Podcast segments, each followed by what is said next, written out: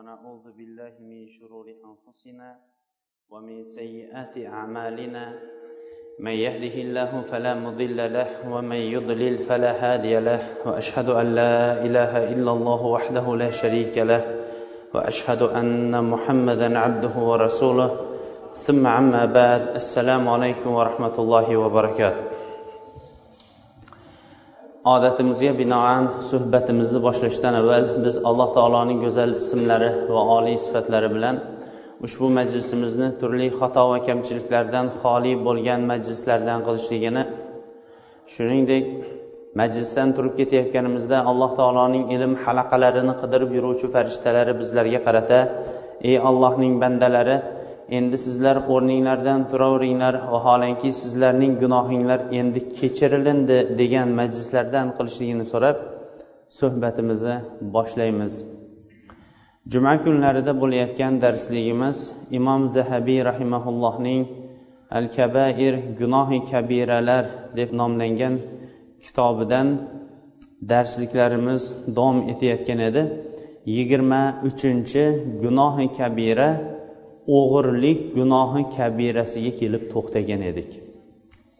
Alloh subhanava taolo insonlarni hayotda yashashlik sabablarini qilib hayotdagi yashashlik sabablari muomalalar iqtisodiy va jamiyatda insonlar o'zlarining kasbkorliklari bilan topayotgan molu davlat bilan o'zlarining hayotini obodonlashtirishlikka buyurdi. Qur'oni karimning bir necha o'rinlarida alloh subhanava taolo va ahallallohul bay'a alloh taolo oldi sotdini halol qildi. Boshqa oyatlarda esa auzu billahi minash shaytonir rojim va vabtag'u min fadlillah allohning fazlu karamidan qidiringlar. Va hokazo mana shunday halol yo'llar bilan halol yo'llar bilan pul topishlik yoyinki ro'zg'orni tebratish kabi masalalarga alloh taoloning o'zi yetti osmon ustidan bizlarni buyurdi. Rasululloh sollallohu alayhi vasallam innalloha toyyibun la yaqbalu illa tayyiba. Olloh pokdir pokdan bo'lgan amallarni qabul qiladi deb turib harom luqma topishlik shariatimizda qattiq qaytarilingan katta bir gunohlardan ekanligini bayon qildi. Ummatning avvali sahoba va tobiinlardan iborat bo'lgan salafi solihlarning hammalari ham o'zlarining kasbkorliklari bilan kasbkorliklari bilan o'zlarining dunyolarini obod qilib turib oxiratlari uchun yetib oladigan o'zlari uchun dunyoviy ozuqa olishlikka ular harakat qilib kelishdi. Insonlarning jamiyatda mablag'i xolis va xoli turli shubhalardan xoli bo'lgan holatda yashashlikni alloh taolo buyurdi va jamiyat mana shunday davom etib keldi. Lekin besh barmoq insonda barobar bo'lmaganiga o'xshash insonlarning ichida jarima gunoh va ba'zi bir alloh taolo qo'ygan chegaralarni buzuvchi insonlar bo'lganliklari uchun ham alloh subhanava taolo ana shunday insonlar uchun dunyo va oxiratdagi ularning uqubatlari o'zining huzuridagi jazolari va dunyoda ham ular uchun beriladigan amallarning belgilarini va xabarlarini bizlarga xabar qilib berdi. O'g'irlik masalasi insonlar uchun nihoyatda oriyat muruvvatini yo'qotib yuboradigan pastkashlik bir amali bo'lganligi uchun ham islom o'g'irlikni mutlaq harom qilib keldi. Musulmonlar o'g'irlik qilishdaqa va o'zgalarning kasbkorligini o'g'irlik yo'li bilan yeyishdaqa pastkash razil bir fe'l bor ekanligidan hazar qilib kelishdi va o'g'irlik degan masaladan ular hazar qilishar edi. Alloh subhanava taolo o'g'rilarni jazosini bayon etib turib auzu billahi minash shaytonir rojim والسارق والسارقة فاقطعوا أيديهما جزاء بما كسبا نكالا من الله والله عزيز حكيم deydi o'g'ri erkak va o'g'ri ayolni qo'llaridan kesinglar ularning ikkovining qo'lidan kesishinglar ular o'zlarining qo'llari bilan qilgan kasbkorining jazosi edi. Ularga ollohdan bo'lgan mana bu jazodir. Olloh aziz va bu hukmlarni joriy qilib turishlikda hikmat egasi bo'lgan zotdir. Bu oyatga agar bir nazar tashlaydigan bo'lsak alloh subhanava taolo birinchi o'g'ri erkak va o'g'ri ayolning qo'lini kesinglar deyapti. Ammo zino masalasidagi zinokorlarning zinokorlarning uqubatini jazosini bayon qilayotgan vaqtda alloh subhanava taolo azzaniyatu vazzani zinokor ayol va zinokor erkak deb turib birinchi zinokor ayolni zikr qildi.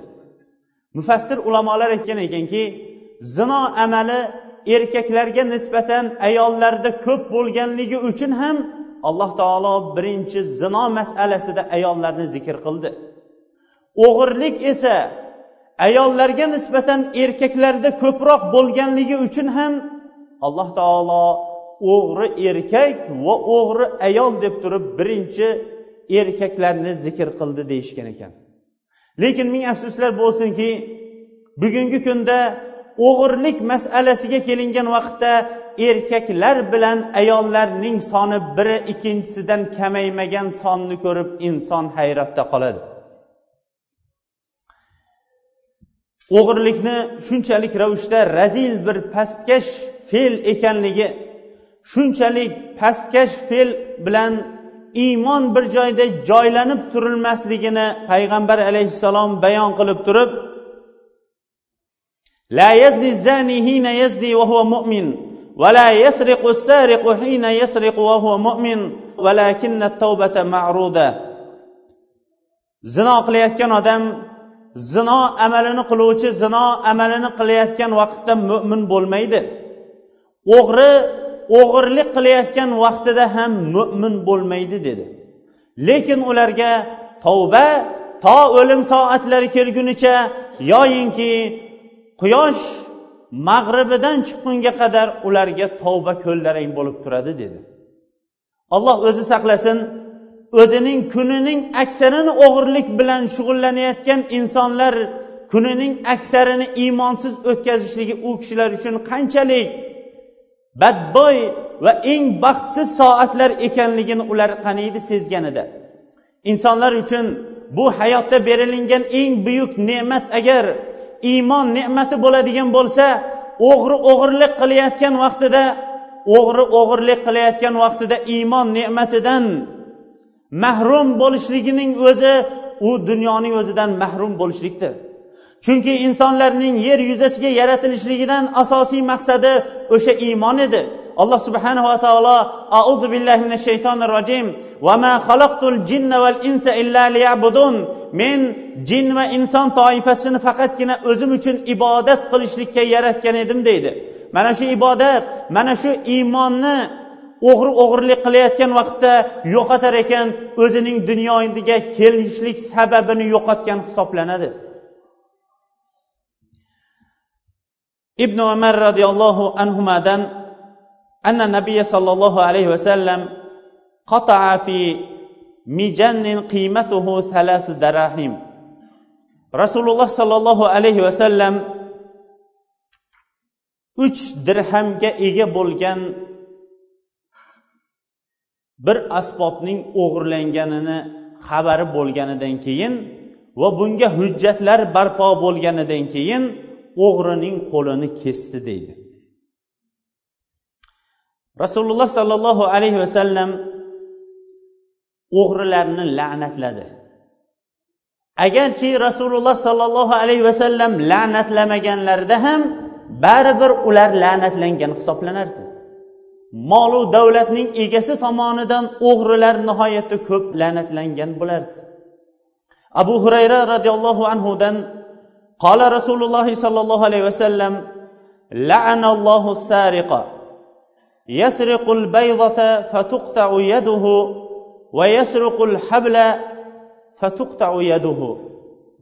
olloh o'g'rini la'natlasin arzimagan narsani o'g'irlaydida keyin qo'li kesiladi. Bitta arqonni o'g'irlaydida qo'li kesiladi dedilar.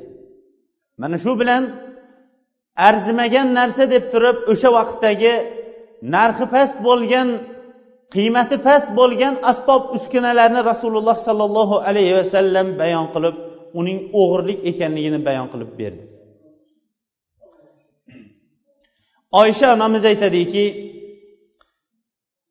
قالت كانت مخزومية تستعير المتاع وتجحده فأمر النبي صلى الله عليه وسلم بقطع يده فأتى أهله أسامة بن زيد فكلموا فيها فكلم النبي صلى الله عليه وسلم فقال له النبي صلى الله عليه وسلم يا أسامة لا أراك تشفع في حد من حدود الله. ثم قام النبي صلى الله عليه وسلم خطيبا فقال إنما أهلك. من كان قبلكم أنهم كانوا إذا سرق فيهم الشريف تركوه وإذا سرق فيهم الضعيف قطعوه والذي نفسي بيده لو أن فاطمة بنت محمد سرقت لقطعت يدها. muttafaqun alayh. Bu hadis o'g'irlik degan vaqtda o'g'irlik faqatgina omborxonadan o'g'irlanayotgan mollar o'g'irlik emasligini bayon qiladi.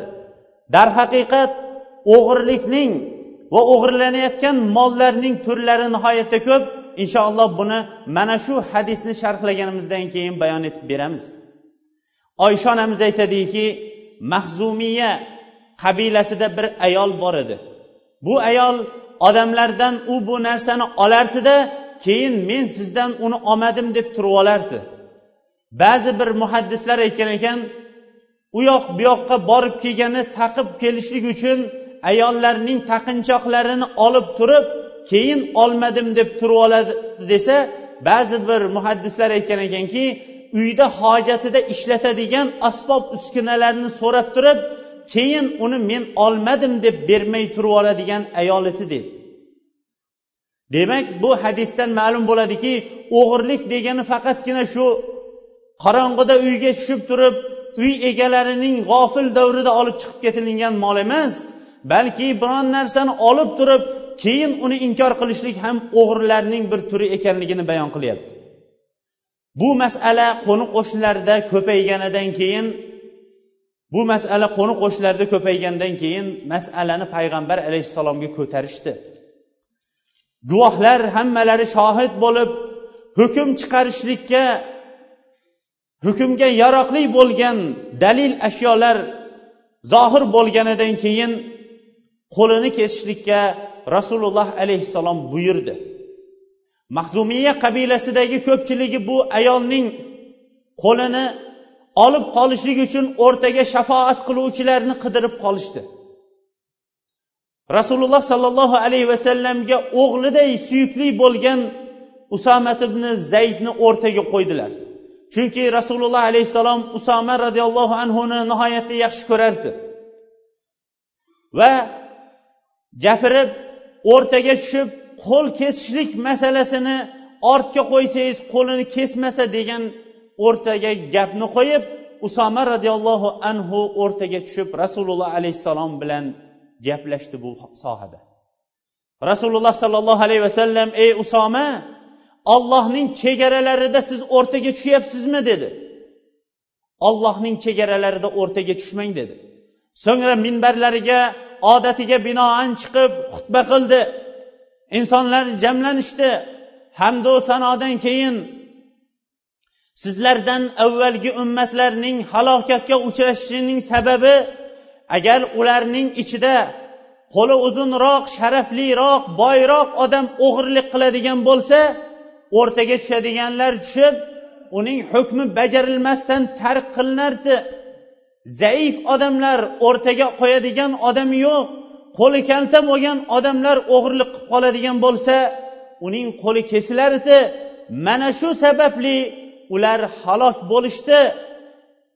Allohga qasamki jonim uning qo'lida turgan zotga qasamki agar muhammadning qizi fotima sollallohu alayhi vasallam o'g'irlik qilganida qo'lini kesgan bo'lardim dedi. Allohning salotu salomi bo'lsin rasululloh sollallohu alayhi vasallamga olamga rahmat etib jo'natilingan edi ollohning hukmlarini malomatchining malomatiga qaramasdan qarindosh urug'ning qarindosh urug'chiligiga qaramasdan ollohning hududlarini chegaralarini buzmasdan bajarishliklar bajaruvchilarning ustozi bo'lib o'tdi u kishi. Agar qizim fotima o'g'irlik qilganda uning qo'lini kesgan bo'lardim sen hali mahzumiya qabilasidagi bir ayolning qo'li kesilmasligi haqida o'rtaga tushib o'tiribsanmi dedi. Sizlardan avvalgilar agar ular ichida sharafli odam inson o'g'irlik qiladigan bo'lsa unga ollohning hududi unga bajarilmasdan zaif insonlarga bajarilganligi uchun ular halokatga uchradi dedi. Haqiqatdan ham jamiyatlarga agar bir nazar solinadigan bo'lsa jamiyatlarda hukm oluvchilar adolat tarozusi adolat pallasi bilan bo'lmagan vaqtda hukmning zaif ekanligini ko'rsatib qo'yadi. Umar ibn hattobning o'g'illarining bittasi mast bo'lib kelganligi haqida rivoyat qilinadi. Umar ibn hattob yer yuzasidagi yer yuzasining aksarini o'zining xalifaligi bilan ushlab turgan katta odil xalifa o'zining o'g'lini sakson darra urishlikka hukm chiqardi. Atrofidagilar umar ibn hattobni ozroq bosishlikka harakat qilishdi. Keyin o'zi chaqirib darra uruvchini aytdiki umarning o'g'li deb o'tirmasdan umarning o'g'li bo'lganligi uchun darrani qattiqroq uring dedi. Va shu darraning oqibatida o'g'li og'ir xasta bo'lib vafot etib ketdi. Mumkin edi ular buni yashirib yuborishlikka. Mumkin edi sukut saqlab tavba qilib oladi endi o'nglab oladi deyishlikka. Lekin mana bu rasululloh alayhissalomning minbarda qilgan xutbalari to qiyomatgacha butun ummat uchun bir o'rnak va darski har bir insonlar avvalambor ollohning hukmi kelgan vaqtida ular taslim bo'lmoqligi kerak. Va taslim bo'lishlik masalasida ollohni ko'proq bilguvchilar va xosatan ahli ilmlar bunga insonlar uchun o'rnak bo'lmoqligi kerakdir. O'g'irlik qilgan insonning jazosi o'g'irlik qilganidan keyin uning qo'lini kesishlik hukmi shariatdagi bir ajib azizu hakim bo'lgan zot tomonidan qilinganligini bugungi kundagi yevropa ham buni tan olib turibdi. Al jazau min jinsil amal. O'ziniki bo'lmagan narsani o'ziniki qilib tortgan qo'l uchun berilingan jazo uning o'sha o'rnini kesib tashlashligi uni cho'zib o'tirib yoinki unga yana muhlat berib yoyinki qamoqxonaga solib o'g'irlikning turlarini o'rgatib chiqaradigan qilib o'rgatmadi. Balki o'sha o'rinning o'zida haloyiqni yig'ib turib qo'lining ustidan qilichni yurgizib turib jinoyat qilgan qo'lni badandan mahrum qilishligining o'zi ham o'g'ri uchun berilingan katta jazoning bittasi hisoblanardi edi lekin hamma mollar uchun hamma har xil holatda o'g'irlangan yo yo'qolgan mollar uchun qo'l kesiladimi? Ulamolar qo'l kesilishlik uchun o'g'irlanayotgan mol insonning mulkida bo'lgan mol bo'lishligi kerak degan. Insonning mulkida bo'lgan inson biron joyga o'ziga molik qilib mulk qilib qo'ygan narsa bo'lmoqligi kerak. Ammo mulk bo'lmagan osmonda erkin uchib yurgan qush suvda suzib yurgan baliq singari mulk egasi bo'lmagan narsalarni ushlashlik yoyinki olishlik agar u mulk hisoblanmaydigan bo'lsa bu o'g'irlik hisoblanmaydi degan. Ikkinchisi o'zining xazinasida bo'lishligi kerak yoinki o'zining chegarasida bo'lishligi kerak deyishgan. Uchinchisi esa shubhadan xoli bo'lishi kerak. Shubhadan xoli bo'lishlik adashib olib qo'ygan. Yoyinki shubhadan xoli bo'lishlik almashtirib ketgan. Bular o'g'irlikka yotmaydi to'rtinchidan nafaqasi vojib bo'lgan odamlar mollarini birinikini biri olishlikka qo'li kesilmasa ham lekin katta gunohkor hisoblanadi deyishgan. O'shalardan masalan o'g'il otasinikini otasi esa bolasining molini olishlik qo'l kesadigan darajada emas.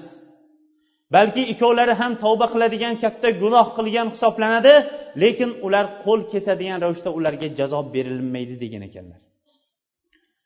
O'g'irlik qilgan insonning birinchi o'g'irlik qilgan vaqtida uning o'ng qo'li ya'ni o'ng kafti kesiladi. Shuning uchun ham ibn abbos roziyallohu anhu faqtau aydiyahuma oyatini faqtau aymanahuma deb mana bu qiroat bilan o'qigan ekan. Ya'ni ularning o'ng qo'llarini kesinglar deb turib. Agar u o'g'irlikda yana davom etadigan bo'lsa yana hujjat barpo bo'lganidan keyin chap qo'lini kesiladi. Ikkinchi marta ham tavba qilmaganidan keyin chap qo'li kesilingandan keyin ham yana o'g'irlikda ushlanadigan bo'lsa o'ng oyog'i kesiladi. Uchinchi martadan keyin yana to'rtinchi marta to'rtinchi marta agar qo'lga tushadigan bo'lsa u ikkinchi chap oyog'i kesilar ekan. Ana o'shandan keyin ham o'g'irlik qilgani beshinchi marta o'g'irlikda ushlanib turib yana ustidan hujjat ashyolar barpo bo'ladigan bo'lsa ulamolarning ko'pchiligi bunday inson o'ltiriladi degan ekan. Ikki qo'liyu ikki oyog'i kesilgandan keyin ham tavba qilmagan inson endi tavba qilmasligi muqarrar bo'lgandan keyin jamiyatda fasod tarqatib turishlik uchun bu uchun endi o'rin qolmay turib uning o'zi o'limga hukm qilinadi degan ekanlar. Imom zahabiy rahimaulloh gunohi kabiralar yigirma uchinchi gunohi kabira tartibi bilan o'g'rilik qilishlik tartibini olib kelar ekan. Oyatda o'g'ri erkak va o'g'ri ayol degan o'g'ri ayol degan lafz kelar ekan. Shunday iffatli bo'lgan ayol ham hali o'g'irlik qiladimi degan savol tug'iladi. Nahotki shunchalik ayollar bo'lsaki o'g'irlik qiladigan deb. Alloh subhanava taolo behuda gapirmas ekan. Chiqargan hukmining hammasi ham bo'ladigan voqea bo'lganligi uchun ham bizlarga bayon etgan ekan. Ming afsuslar bo'lsinki bugungi kunda o'g'rilarning sanog'i tekshirilib ko'rilganda o'g'ri er kishilardan ko'ra ayol o'g'rilarning soni kam emasligini nihoyatda ko'p bildi. O'g'irlik degani turlari nihoyatda ko'p. Bugungi kunda yana o'g'irlarning turlari yana ham ko'payib ketgan. Eng o'g'irlikning boshi molu davlat o'g'irlash bo'ladigan bo'lsa ikkinchisi insonlarning ma'naviyatini o'g'irlash uchinchisi vaqtini o'g'irlash va shunga o'xshagan o'g'irlik degan masalaning hammasi ham bugungi kunda tur turi bilan ko'paygan bir og'ir bir holatda yashayapmiz. O'g'irlik turlarining yana bittasi yigirma to'rtinchi gunohi kabira hisoblangan turi odamlarning yo'lini kesishlik. Bir kalima bilan aytganda qaroqchilik qilishlik. Alloh subhanava taolo insonni yer yuziga yaratar ekan yer yuzida inson erkin va alloh taolo bergan ne'matlar bilan erkin yashashlik imkonlarini berdi. Ular o'zlarining molu davlatlari joni oru nomusini saqlagan holatda o'zga diyorlarga safar qilgan holatda va o'zlarining diyorlarida muqim turgan holatda erkinlik bilan yashashlik huquqini berdi. Va ular uchun bu huquqni buzayotgan insonlar uchun esa og'ir jazolar bor ekanligini alloh taolo va'da qildi auzu billahi minash shaytonir rojim إنما جزاء الذين يحاربون الله ورسوله ويسعون في الأرض فسادا أن يقتلوا أو يصلبوا أو تقطع أيديهم وأرجلهم من خلاف أو ينفوا من الأرض ذلك لهم خزي في الدنيا ولهم في الآخرة عذاب alloh va rasuliga osiy bo'layotganlar va yerda fasod tarqatayotganlar deganiga ko'pchilik ulamolar yerda fasod tarqatayotganlar deganning tafsirida yerda qaroqchilik qilib insonlarning yo'llarini to'sib ularni qo'rqitib to'nayotganlar deb aytgan ekanlar. Ularning hukmlari ularni qatl qilishlik yoki ularni osib qo'yishlik yoki ularning qo'llaridan kesishligi va oyoqlaridan aksi qilib turib kesishlik yoinki yerdan surgun qilishlik mana bu ular uchun dunyoda berilingan azob va yana ular uchun oxiratda azoblar bordir deydi. Alloh subhanava taolo hamma uchun ham hukmni bir xil qilgani bilan hamma jinoyat uchun hukmni bir xil qilgani yo'q. Har bir inson o'zining qilgan jinoyatining og'ir yengilligiga qarab turib olayotgan jazosi ham og'ir va yengil bo'ladi. Shuning uchun ham ulamolar aytgan ekanlarki kim biron bir kishining yo'lda to'ssa va u kishini qaroqchilik qilib turib mol egasini o'ltirsa keyin molini oladigan bo'lsa bu insonning o'zi o'ltirilib keyin insonlarning jamoatchilikning o'rtasiga osib qo'yiladi degan ekan. Molini olib egasini o'ltirgan odamning hukmi shunaqa degan ekan. Ammo kim molni olib turib egasini o'ltirmagan bo'lsa uning qo'li kesiladi. Ammo kim qon to'ksa va odamni o'ltirmasayu jarohatga olib borib qo'yadigan bo'lsa keyin mollarini oladigan bo'lsa bunday inson ham qon to'kkanligi uchun o'ltiriladi degan ekan. Kim odamlarni yo'lda qo'rqitadigan bo'lsa lekin hech kimni molini ham olmasa joniga ham tegmaydigan bo'lsa bunday odamlar bu diyorlardan surgun qilib yuboriladi degan ekan. Mana bu jamiyatchilikda insonlarning tinchligini buzayotgan insonlar uchun berilingan olloh tomonidan berilingan hukmdir. Yuqorida bayon qilingan xoh qaroqchilik bo'lsin xoh o'g'irlik bo'lsin molning hammasi uchun insonning qo'li darrov kesilib ketavermaydi. Islom avvalambor insonlarning o'g'irlik qilgan yo qaroqchilik qilgan insonning qo'lini kesishlikdan avval unga chiroyli hayotda umr ko'rishlik uchun sharoit yaratib beradi. Va unga hayotdagi sharoitlarni ta'mirlab turib o'sha sharoitlar ta'mirlangandan keyin ham noshukurlik qilgandan keyin uning qo'lini kesadi. Ammo sharoitlar og'ir bo'lib turgan vaqtda bu hukmni ko'tarib qo'yadi. Umar ibn hattob davridagi qurg'oqchilik sababli bo'lgan ocharchilik davrlarida bir qabilada bir tuya o'g'irlanganligi haqida umar ibn xattobga shikoyat ko'tarildi. Umar ibn xattob tekshirib ko'ruvdi ocharchilik sababli o'sha qabiladagi ko'pchiligi o'zining qabila boshlaridan o'zlariga yetarli ravishda xom ashyo olmaganliklari uchun ham ular o'g'irlik qilishlikka majbur bo'lganligini aytishdi. Tekshirib ko'rilganda ish xuddi shunday bo'lib chiqdi. Umar ibn hattob o'sha yili o'g'irlarning qo'li kesilmasligi haqida hukm chiqardi. Chunki alloh subhanava taolo la yukallifulloh nafsan illa usaha odamlarni o'zining toqatiga yarasha bo'lgan narsagagina taklif qiladi. Odamlarni avvalambor o'g'irlik qilishlik harom. O'g'irlik qilishlik iymonning muruvvatini yo'qotadigan past xulq ekanligini bayon qilib ularni iymon bilan mustahkamlaydi. Mana bu eng katta ularning darsi hisoblanadi. Ana undan keyin esa o'g'irlik qiluvchi insonlar uchun ularni o'g'irlik qilmaydigan yo'llar halol kasblarni topib berib ularni kasb bilan ta'mirlaydi.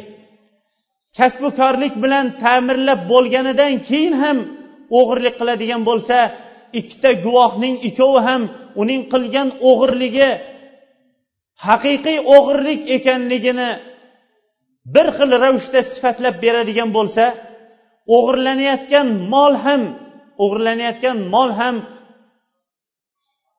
o'g'irlangan nisobga nisobiga o'zining ma'lum miqdoriga yetgan mol bo'ladigan bo'lsa va zulmlangan o'g'irlangan mol egasi tomonidan shikoyat bo'ladigan bo'lsa ana undan keyin uning hujjat ashyolar barpo bo'lgandan keyin uning qo'lini kesishlikka hukm chiqaradi. Alloh subhanahu va taoloning go'zal ismlari va oliy sifatlari bilan hammamizni ham jamiyatda kattayu kichik o'g'irliklardan olloh o'zi saqlashligini odamlarni qo'rqitib yo'llarni to'sib qaroqchilik qilib mollarini tortib oladigan illatlardan alloh taolo o'zi asrasin. Ko'pchilik ba'zi masalalarni e bu o'g'rilik emasu deyishadi. Ba'zan mana hozir ko'pchilik shuni guvohi bo'lib turibmiz. Ayni pishiqchilik vaqtlar ko'chadan o'tib ketayotgan bo'lsangiz avvalgi sahoba va tobiinlar ariqdan oqib ketayotgan olma yoinki mevalarni yeyishlikka hazar qilgan egasi rozi bo'lmasa deb turib bugungi kunda esa bog'larga bemalol insonlarning kirib borishligi kuppa kunduzning o'zida mevalarni bemalol terib ketishligi adirlarda esa egasi yo'q deb turib mollarni bemalol u bug'doy bo'lishligiga qaramasdan qo'yib yuborishligi va shunga o'xshagan amallarning hammasi ham agarchi katta o'g'irlik hisoblanmasa ham ular ham bir o'g'irlik hisoblanadi.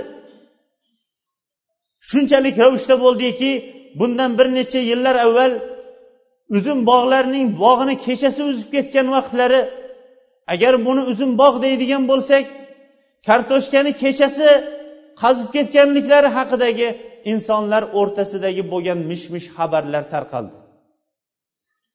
Payg'ambarimiz sollallohu alayhi vasallam la yasriqu sariqu hina yasriquhu va huwa mu'min. O'g'ri o'g'irlik qilayotgan vaqtda mo'min bo'lmaydi deydi. Alloh subhanava taolo hammamizni ham mana bunday razil amallardan o'zi saqlasin. O'g'irlikning turlarining yana bittasi mana hamma ham suv kunlar isib suv soatlab suv olayotgan vaqtida yo'ldan to'sib olishlik ham o'g'irlikning bir qismi hisoblanadi. Suvlarni ham yo'ldan to'sib olib turib o'zining tamarqasiga kiritishlik ham o'g'irlikning bir qismi hisoblanadi. Chunki bu inson suvda o'sha soatda o'zi haqli edi bu narsaga. Ba'zi bir savollar tushibdi. Bu yerda uzun yozilibdi shu iltimos qilardik. Qisqa qisqa yozilinsa sababi vaqt hammaniki. Assalomu alaykum domla aka debdi. Va alaykum assalom va rahmatulloh. Shu ayol qizlar hijobga kiryapti. Shu hijobga qizlarni ba'zilari hijobga kirgisi kelsa uydagilar va boshqalar rozi bo'lmasa nima qilishi kerak? Rozi bo'lishi uchun. Agarda qiz bola bo'lib turib hijobga kirgan bo'lsa kuyovga tegganida hijobni olib tashlashni buyursa nima qilish kerak? Namoz o'qib turib hijobga kirgani yaxshimi yoki kirmagani? Shuni tushuntirib bersangiz. Albatta bu ayollarimiz va singillarimiz opa singillarimiz tomonidan tushgan savol bu yangi savol emas. Ba'zi bir kelinlar kelib shikoyatlarini ham aytishgan turmushga chiqishimizdan avval hijobdadik keyin qaynanamiz yo qaynatamiz bunga unamay turib ro'mollarimizni boshimizdan yechishga majbur bo'lyapmiz deb kelgan shikoyatlar ham bo'lgan.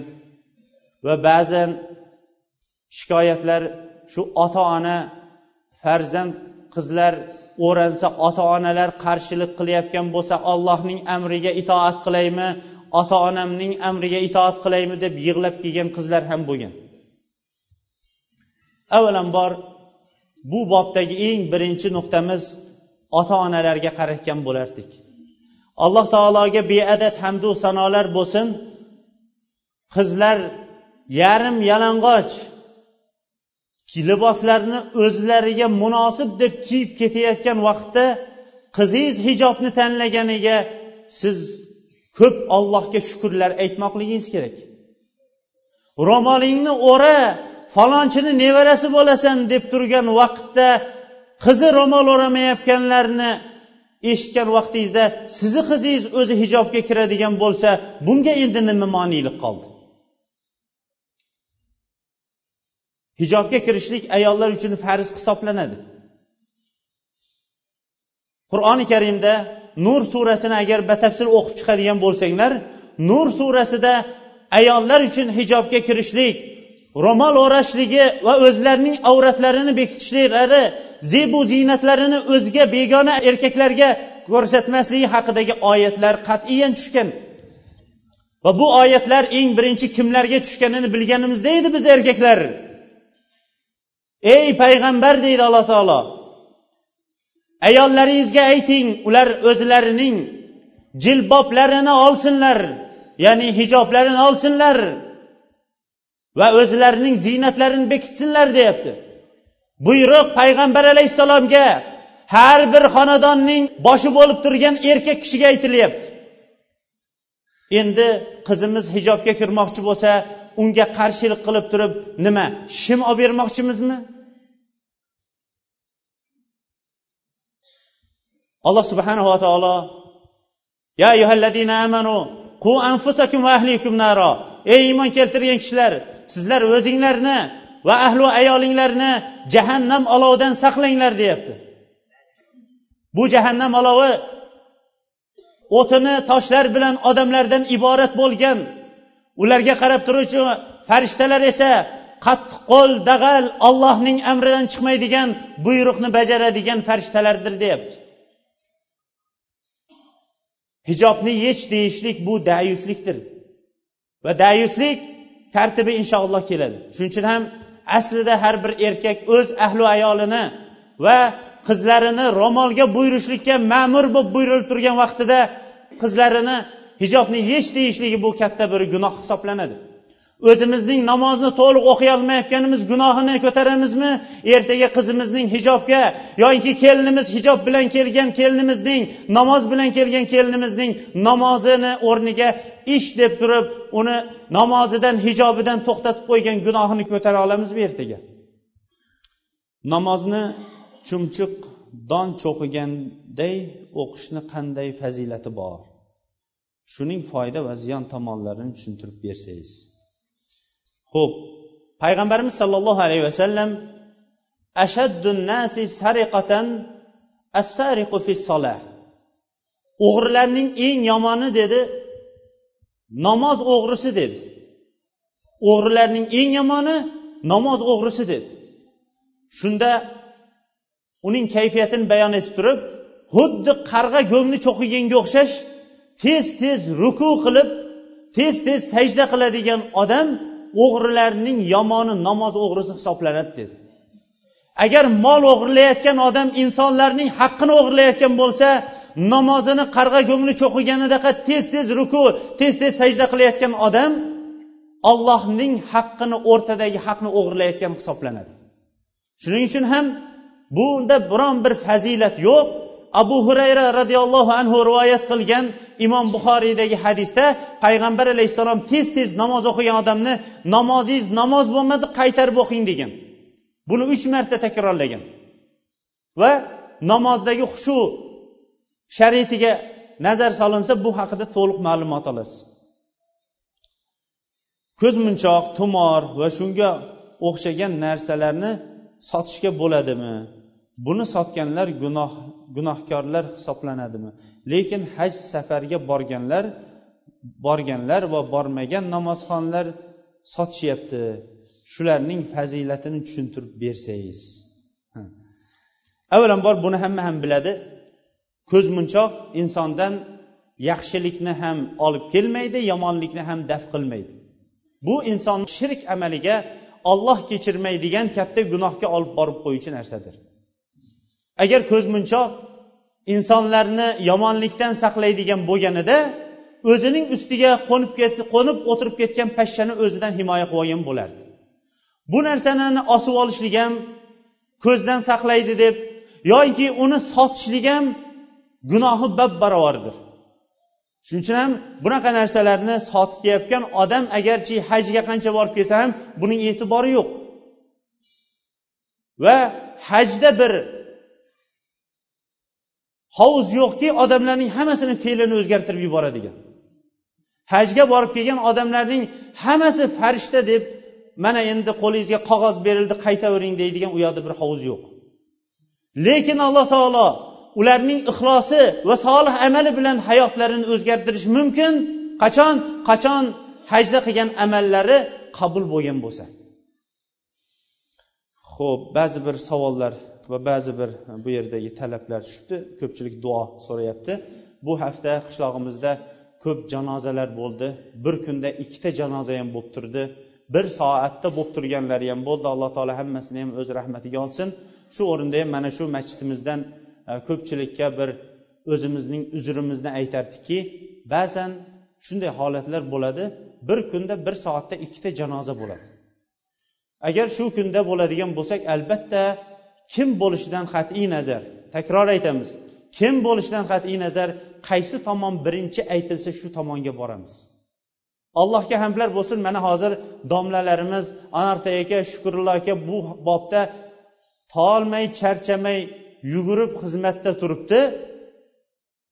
bu bo'lingan holatda janozalarga boriladi bir janozada ko'rinib bir janozada ko'rinmay qolgan bo'lsak bir birimizga yaxshi gumon qilamizki boshqa janozadadir yoki boshqa bir ishdadir yoki boshqa shunaqa xizmatda bo'lsa kerak deb turib amin alhamdulillah vassalotu vassalam ala rasulillah اللهم تقبل منا إنك أنت السميع العليم وتب علينا إنك أنت التواب الرحيم alloh subhanava taolo hammamizni ham qilayotgan toat ibodatlarimizni o'z dargohida qabul qilsin. Mana bu jumamizni alloh taolo gunohlarimiz uchun kafforat qilsin. Kelgusi haftadagi jumaga o'zining toati bilan yetishlikka o'zi nasib etsin. Alloh taolo iymon va amali solih bilan o'tgan ajdodlarni va xususan ushbu haftada o'tgan ham qishloq ajdodlarimizni alloh taolo o'z rahmatiga olsin. Oiladan qolganlarning umrlariga o'zini toatida barakot ato etsin. Bemorlarga alloh taolo o'zi shifo bersin. Dardlarini o'tgan gunohlari xatolari bo'lsa dardlariga kafforat qilsin. Befarzandlarga alloh taolo o'zi o'ylaganlaridan ham ortiqroq salohiyatli farzandlarni alloh taolo ato etsin. Dehqonlarimizning topganlariga alloh o'zi barakot berib o'zining toatida ishlatishlikka o'zi nasib etsin. Bu nikoh qilayotganlarning nikohlarini mustahkam bardavom chiroyli oilalardan qilsin. Alloh subhanava taolo masjidimiz uchun infoq qilayotgan masjidimizni obod qilishlik uchun harakat qilayotgan insonlarning ikki dunyosini allohning o'zi obod qilsin. Farzandlariga tinchlik xotirjamlik bersin. Topgan molu davlatlariga barakot ato etsin.